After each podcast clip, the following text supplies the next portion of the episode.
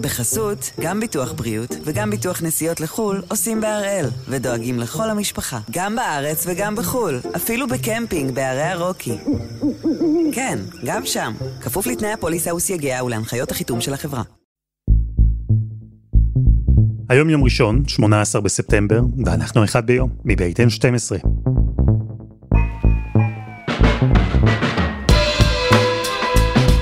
אני אלעד שמחיוף, ואנחנו כאן כדי להבין טוב יותר מה קורה סביבנו, סיפור אחד ביום, כל יום.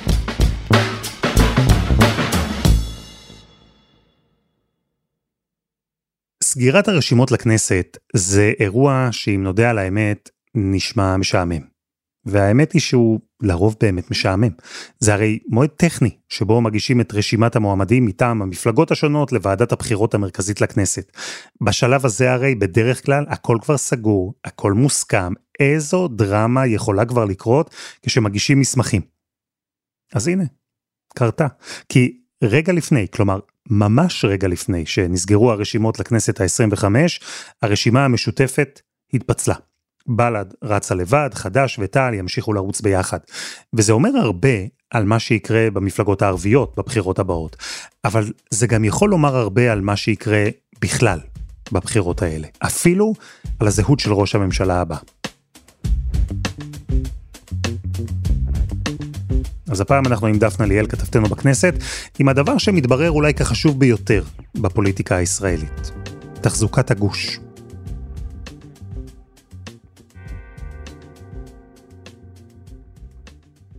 דפנה, שלום. שלום אלעד. תשמעי, זו באמת הייתה דרמה, במונחים של פוליטיקה ישראלית לפחות, כי ממש עד הרגע האחרון היה נדמה כאילו הרשימה המשותפת שוב רצה ביחד, אז מה קרה בדיוק?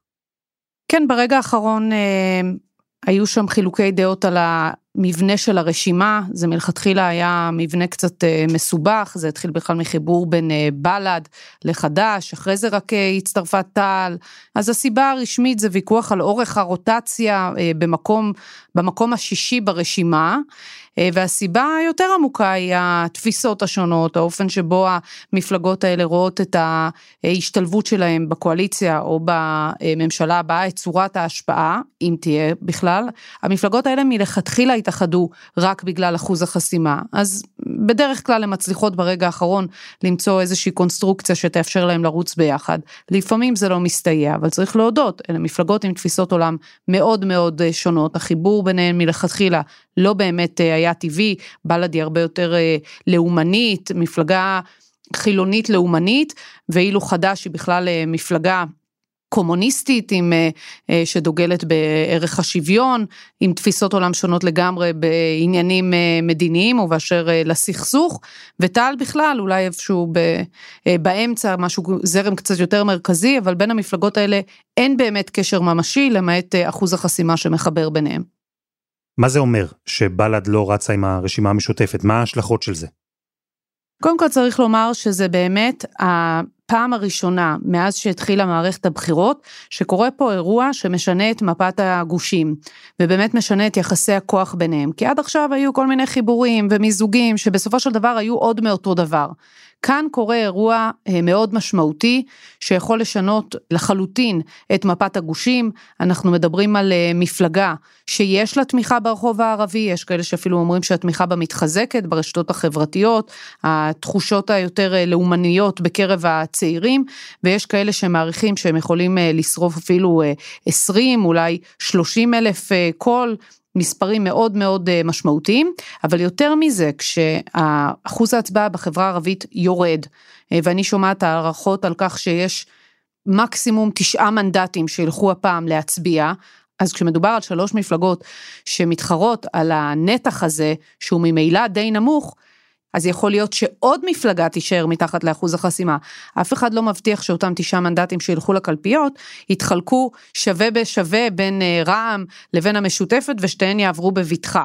אני שומעת לא מעט אה, חששות בחברה הערבית שאחת המפלגות האלה לא תעבורנה את אחוז החסימה, ואז אתה כבר מדבר על אירוע הרבה יותר משמעותי, הרבה יותר גדול במערכת בחירות שממילא מאוד מאוד אה, צמודה וכל קול במכריע.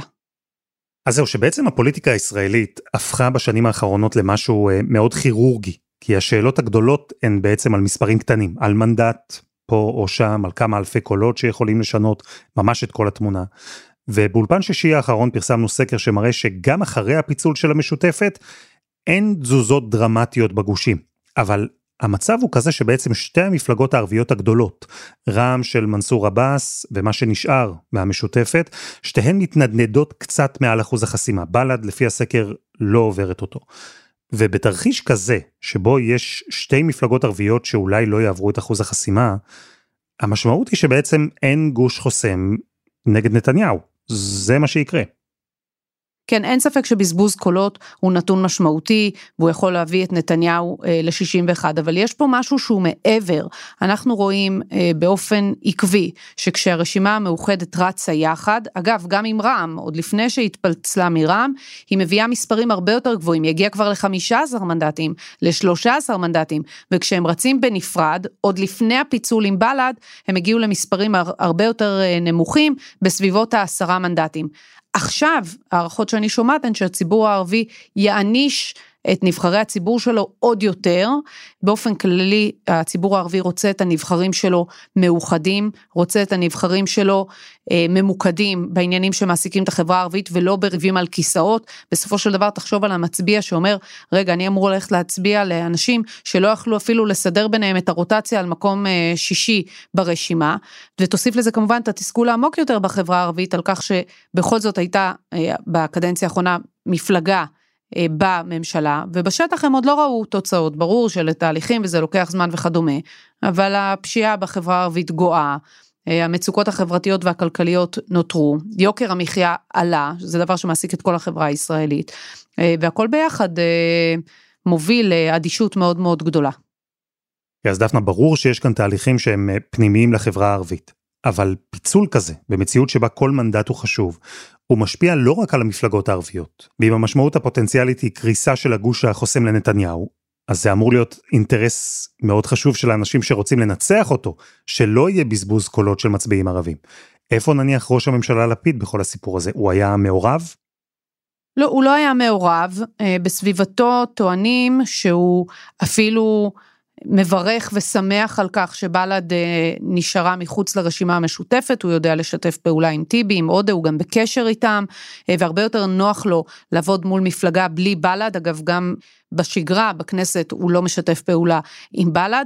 תרשה לי לומר לך שזה אה, בעיניי אפילו הייתי אומרת קשקוש, הרי אה, במערכת אה, בחירות קודם מנצחים ואחרי זה מתחילים להחליט עם מי לעבוד ו- ואיך, במצב שבו אה, לנתניהו יש 61, זה, כל הדיון הזה בכלל לא יהיה רלוונטי מבחינת לפיד. אז לומר שהוא שמח על בזבוז קולות כל כך גדול למחנה שלו, אני מטילה בזה ספק, הוא לא באמת היה מעורב, הוא לא מצוי בהליכים הפנימיים האלה, והמערכת הפוליטית כולה הופתעה מאוד מההחלטה הזו של הרגע האחרון של בל"ד, למרות שהיא כבר שבועות נערכת לריצה עצמאית, כולם חשבו שזה מנוף ושהם לא ילכו עם זה עד הסוף.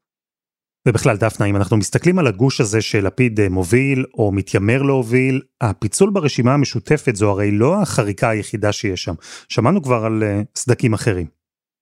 כן, חד משמעית. קודם כל הפיצול בין גנץ ללפיד. אין ספק שאם אתה מסתכל הסתכלות קרה, ריצה משותפת של השניים האלה מניבה לשניהם תנופה ואפילו לגיטימיות מול נתניהו שאין להם כשהם רצים לבד, וכשהם רצים לבד הם גם כל היום מתנגחים אחד בשני. גם עכשיו אגב אני שומעת ביקורת, גם מהכיוון של כחול לבן, על כך שלפיד לא ניהל את הגוש ולא מנהל את האירוע ובכלל אין גוש. כל האירוע הזה שהם רצים בנפרד זה אירוע מטופש, אירוע של אגו, אירוע של אמ-, אמביציות, אז זה דבר ראשון. אחרי זה שאתה הולך להסתכל על מפלגות השמאל, אין ספק שגם פה יש שתי מפלגות שנמצאות במצב מאוד מאוד מסוכן, מפלגת העבודה עוד יותר ממרץ, שהן בסכנה ממשית לא לעבור את אחוז החסימה והן מאוד יגבילו את לפיד אה, בעשיית קמפיין אפקטיבי, כי שוב הוא לא רוצה לקחת קולות וכדומה, אז יש פה עוד אה, ככה טעות על טעות. יש לו את ישראל ביתנו, שגם כן ניצבת בפני אתגרים שהיא לא ידעה בעבר, היטמעות של אה, יוצאי ברית המועצות בחברה הכללית, הצבעה שלהם במספרים יותר ויותר גדולים למפלגות אחרות, המלחמה באוקראינה, שפגעה מאוד בתדמית של ליברמן בקרב חלק מהמצביעים שלו, אז אנחנו מדברים על צד אחד שמאורגן בצורה מיטבית, עוד מעט נדבר על זה, בצד אחד שיש לו כל כך הרבה אתגרים, כל כך הרבה סכסוכים פנימיים, יחסים אה, אה, אישיים גם אה, לא, לא אידיאליים, ובעיקר המון המון מפלגות שבסכנה לא לעבור את אחוז החסימה, וזה כמובן גם מוריד את כל המוטיבציה ואת הרוח מהמפרשים, גם של חלק מהשחקנים בגוש הזה, ויכול מאוד להיות שגם בסופו של דבר של השטח. אני מוכרח אבל לשאול אותך משהו שאני לא ממש מבין בטענות האלה, כי מה שאנחנו קוראים בזבוז קולות במפלגות שהן מתנדנדות מעל או מתחת לאחוז החסימה, את זה אני מבין. אם המפלגות האלה לא יעברו את אחוז החסימה, הקולות שלהן בעצם ילכו לפח, בסדר. אבל נניח הטענה של לפיד וגנץ היו צריכים לרוץ ביחד כדי למקסם את הכוח שלהם. השלם פה הוא גדול מסך חלקיו? כלומר, יש אנשים שלא יצביעו לא ללפיד ולא לגנץ, אבל כן היו מצביעים להם אם הם היו רצים ביחד? כן, קודם כל חשוב לי להדגיש שכשמפלגה לא עוברת את אחוז החסימה, הקולות שלה לא הולכים לפח. הקולות שלה מתחלקים, הלכה למעשה, בין שאר המפלגות. זאת אומרת, אם מפלגה לא תעבור את אחוז החסימה, חצי מהקולות שלה יעברו לצד השני. אבל כן, אלעד, התשובה היא שזה מאוד מאוד משמעותי. אה, קודם כל, כי ריצה של אה, גנץ ולפיד יחד, הייתה מפנה אה, מקום למפלגה נוספת, ימנית, כמו תקווה חדשה, כמו ימינה, אולי תקווה חדשה וימינה, שהייתה מושכת אליה אלקטורט של הימין הרך. המיזוג שעשה גנץ עם סער כדי אה, להחליש את לפיד, גרם לכך שלמעשה כולם הפסידו בסופו של דבר. המצביעים הימניים לא נהרו לכחול לבן כמו שגנץ וסער ואלקין מאוד מאוד אה, קיוו. ובסופו של דבר הלכו פה לאיבוד קולות של ימין רך, אה, ימין ממלכתי, שלא מוצא את עצמו בתוך החיבור הזה. אז כן, התחרות הפנימית הזאת גורמת הלכה למעשה לאובדן קולות. אין בכלל שאלה שהדרך הנכונה לארגן את הגוש הזה הייתה מפלגה אחת מובילה, סטייל כחול לבן אה, של הסבב הראשון, עוד מפלגה של ימין ממלכתי שעם שילוב כוחות יכלה לעבור את אחוז החסימה ולקחת באמת מנדטים מהצד השני מה שכחול לבן לא מצליחה לעשות עכשיו. איחוד של העבודה אה, ומרץ ורשימה אחת של כל המפלגות הערביות עם רע"מ, עם תע"ל, עם בל"ד, עם חד"ש ויום אחרי זה היו שוברים את הראש, זה בדיוק מה שעשה גוש הימין.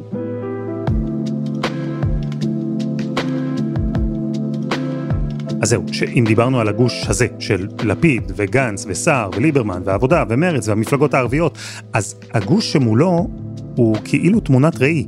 נכון, לא אידיאולוגית אולי, אבל בעיקר ברמת הסדר וברמת הגיבוש. אבל קודם חסות אחת וממש מיד חוזרים.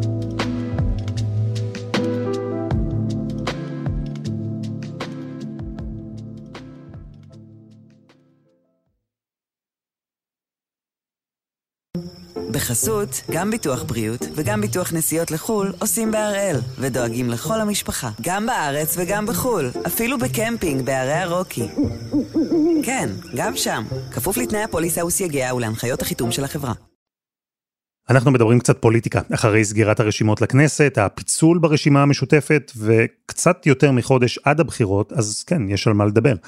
דפנה, אנחנו אה, הרי במשחק של גושים. ושאיפה של כל גוש להגיע ליעד הנחשף 61 מנדטים. זו המציאות הפוליטית המוזרה הזו שבה אנחנו חיים.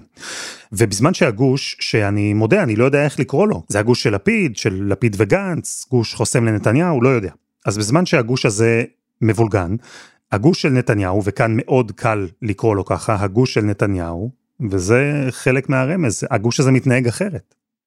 חד משמעית, אנחנו רואים פה את הפער הזה בין הגושים, את הלויאליות לנתניהו, את העובדה שהוא כל כך חזק בגוש שלו, שהשחקנים האחרים ממש מפחדים לצאת נגדו גם אה, ציבורית וגם פוליטית ובמובן הזה הוא הצליח להנדס את הגוש שלו בצורה מושלמת ויש עוד משהו לנתניהו שאין ללפיד וזה הנכונות לשלם מחירים ציבוריים כרגע לספוג אה, ביקורת בשביל להביא עוד כמה אלפי קולות לקלפי.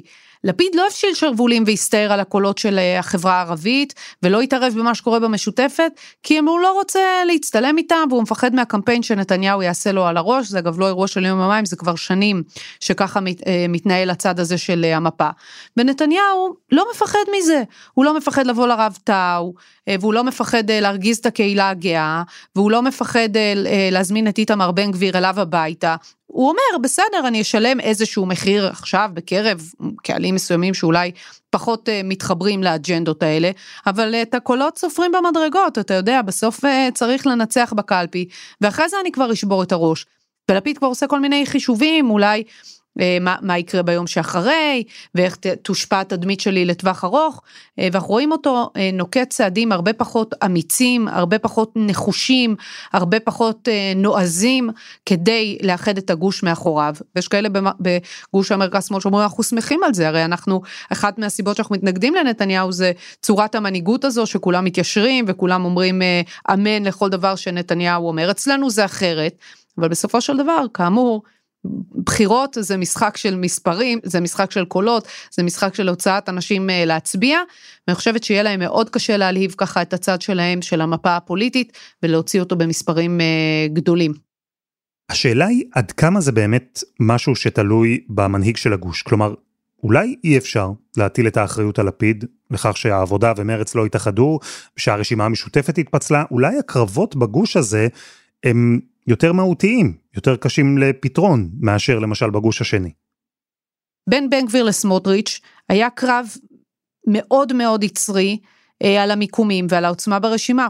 זה לא היה איזה משבר אה, פשוט לפתור, זה היה עבודה מאוד מאוד מאומצת מאחורי הקלעים וגם לחץ מאוד כבד שנתניהו הפעיל אה, על שתי הדמויות האלה, שהובילה לתוצאה. וכשאתה מסתכל על יהדות התורה בכלל, אתה מדבר פה על משבר שהוא משבר אידיאולוגי. על כך שבלז רוצה אה, להיכנס אה, לתוכנית אה, עם פיקוח של משרד החינוך שכוללת לימודי ליבה והדבר הזה היה באמת משבר שנראה היה שיהיה מאוד מאוד קשה לפתור אותו ודאי למישהו שמגיע מבחוץ ועדיין נתניהו הבטיח מה שהיה צריך להבטיח וסידר את העניינים כמו שהוא רוצה כדי שהדבר הזה יקרה כשהוא יודע שהוא ישלם על כך ביקורת ציבורית קשה גם על ההזמנה של בן גביר וסמוטריץ' לביתו וגם על ידי ההתערבות הזאת בלימודי הליבה שנתניהו ידע שתפגע בו, אגב כן בתוך הגוש שלו, יש לא מעט אנשים גם בגוש הימין שחושבים שלימודי ליבה לחרדים זה אינטרס אה, אסטרטגי של אה, מדינת ישראל, ונתניהו למעשה התערב כדי לשבש אותו. הטעות היחידה של נתניהו היא אה, האופן שבו הוא התנהל לאיילת שקד, הייתה לו פה הזדמנות פז אה, ליהנות ממפלגה שיכלה לקחת קולות מהצד השני, שפנתה לקהלים חדשים, שפנתה לקהלים אחרים, ונתניהו בגלל היריבות הפנימית שלו עם איילת שקד, בגלל התיעוב, בגלל חוסר האמון, בגלל השנאה, פעל מהרגע הראשון להחליש אותה וממשיך לפעול כדי להחליש אותה, היא יכלה לקחת מנדטים מהצד השני שאין ספק בכלל שהיו מתגלגלים בסופו של דבר לקואליציה עם נתניהו, ופה הוא שגה שגיאה קשה. הפעמים היחידות עד עכשיו במערכת הבחירות שהוא עבר בבטחה עם 63 מנדטים וכדומה, היה כששקד עברה את אחוז החסימה, ופה אנחנו שוב רואים את המימד האישי נכנס אה, פנימה ועומד לו אה, לרועץ. יכול להיות שבגלל המאמץ המאוד מאוד מרוכז שהוא משקיע בזירות אחרות, הוא בכל זאת יגיע לתוצאה הרצויה, אבל אין ספק שהייתה לו דרך מלך לצעוד בה, והוא ויתר עליה בגלל היריבות מול שקד. מעניין אותי עד כמה משפיעה העובדה שלפיד הוא ראש ממשלה עכשיו. כי אנחנו יודעים שנתניהו מבין בפוליטיקה, מבין בלהניע מהלכים פוליטיים, אבל גם לפיד יודע פוליטיקה, הוא הרי קיבל הרבה מהקרדיט על הנדוס הממשלה הנוכחית, בקונסטלציה שהרבה אמרו מראש שהיא בלתי אפשרית.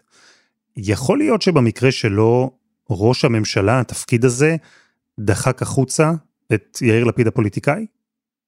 ללפיד בהחלט מגיע קרדיט על ההינדוס של הממשלה האחרונה, אבל הייתי יותר נותנת לו קרדיט על הנכונות אה, לשלם אה, מחירים, לוותר, לשים את האגו בצד.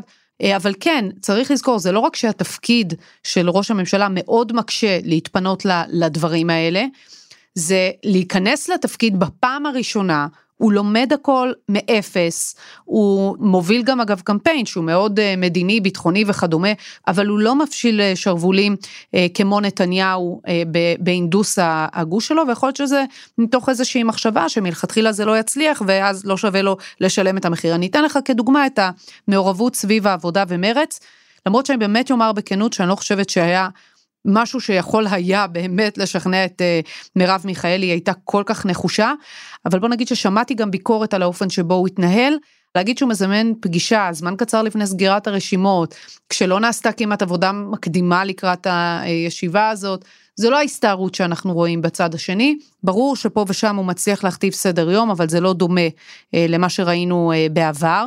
מצד שני, אני חושבת שהוא מאוד מאוד אה, מושקע בזה, הוא מאוד מאוד עסוק בזה, העיסוק שלו אה, בפוליטיקה יורד משמעותית בגלל הכניסה הזאת לתפקיד, וזה בעיקר, מה שאנחנו רואים כרגע זה השילוב, וראינו את זה גם אצל בנט, בין להיות חדש בתפקיד, אה, לבין הניהול הפוליטי במקביל. אגב, גם נתניהו ב-1996, אה, וגם ברק אה, כש, כשנכנס לתפקיד התקשו מאוד אה, ל, ככה לנהל את כל האתגרים האלה יחד זה דבר שצריך ללמוד הם שניהם היו מאוד מאוד מושקעים בת, בתפקיד הזה היה להם פחות פניות לפוליטיקה ואני חושבת גם שפחות אה, הבנה של עד כמה בכל זאת צריך להשקיע בפוליטיקה גם כשאתה נמצא בתפקיד הרם ביותר.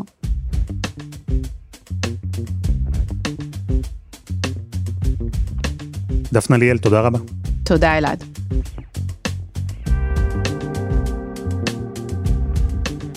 וזה היה אחד ביום של N12. אנחנו גם בפייסבוק, חפשו אחד ביום הפודקאסט היומי. העורך שלנו רום אטיק, תחקיר והפקה עדי חצרוני, רוני ארניב ודני נודלמן. על הסאונד יאיר בשן שגם יצר את מוזיקת הפתיחה שלנו, ואני אלעד שמחיוף. אנחנו נהיה כאן גם מחר.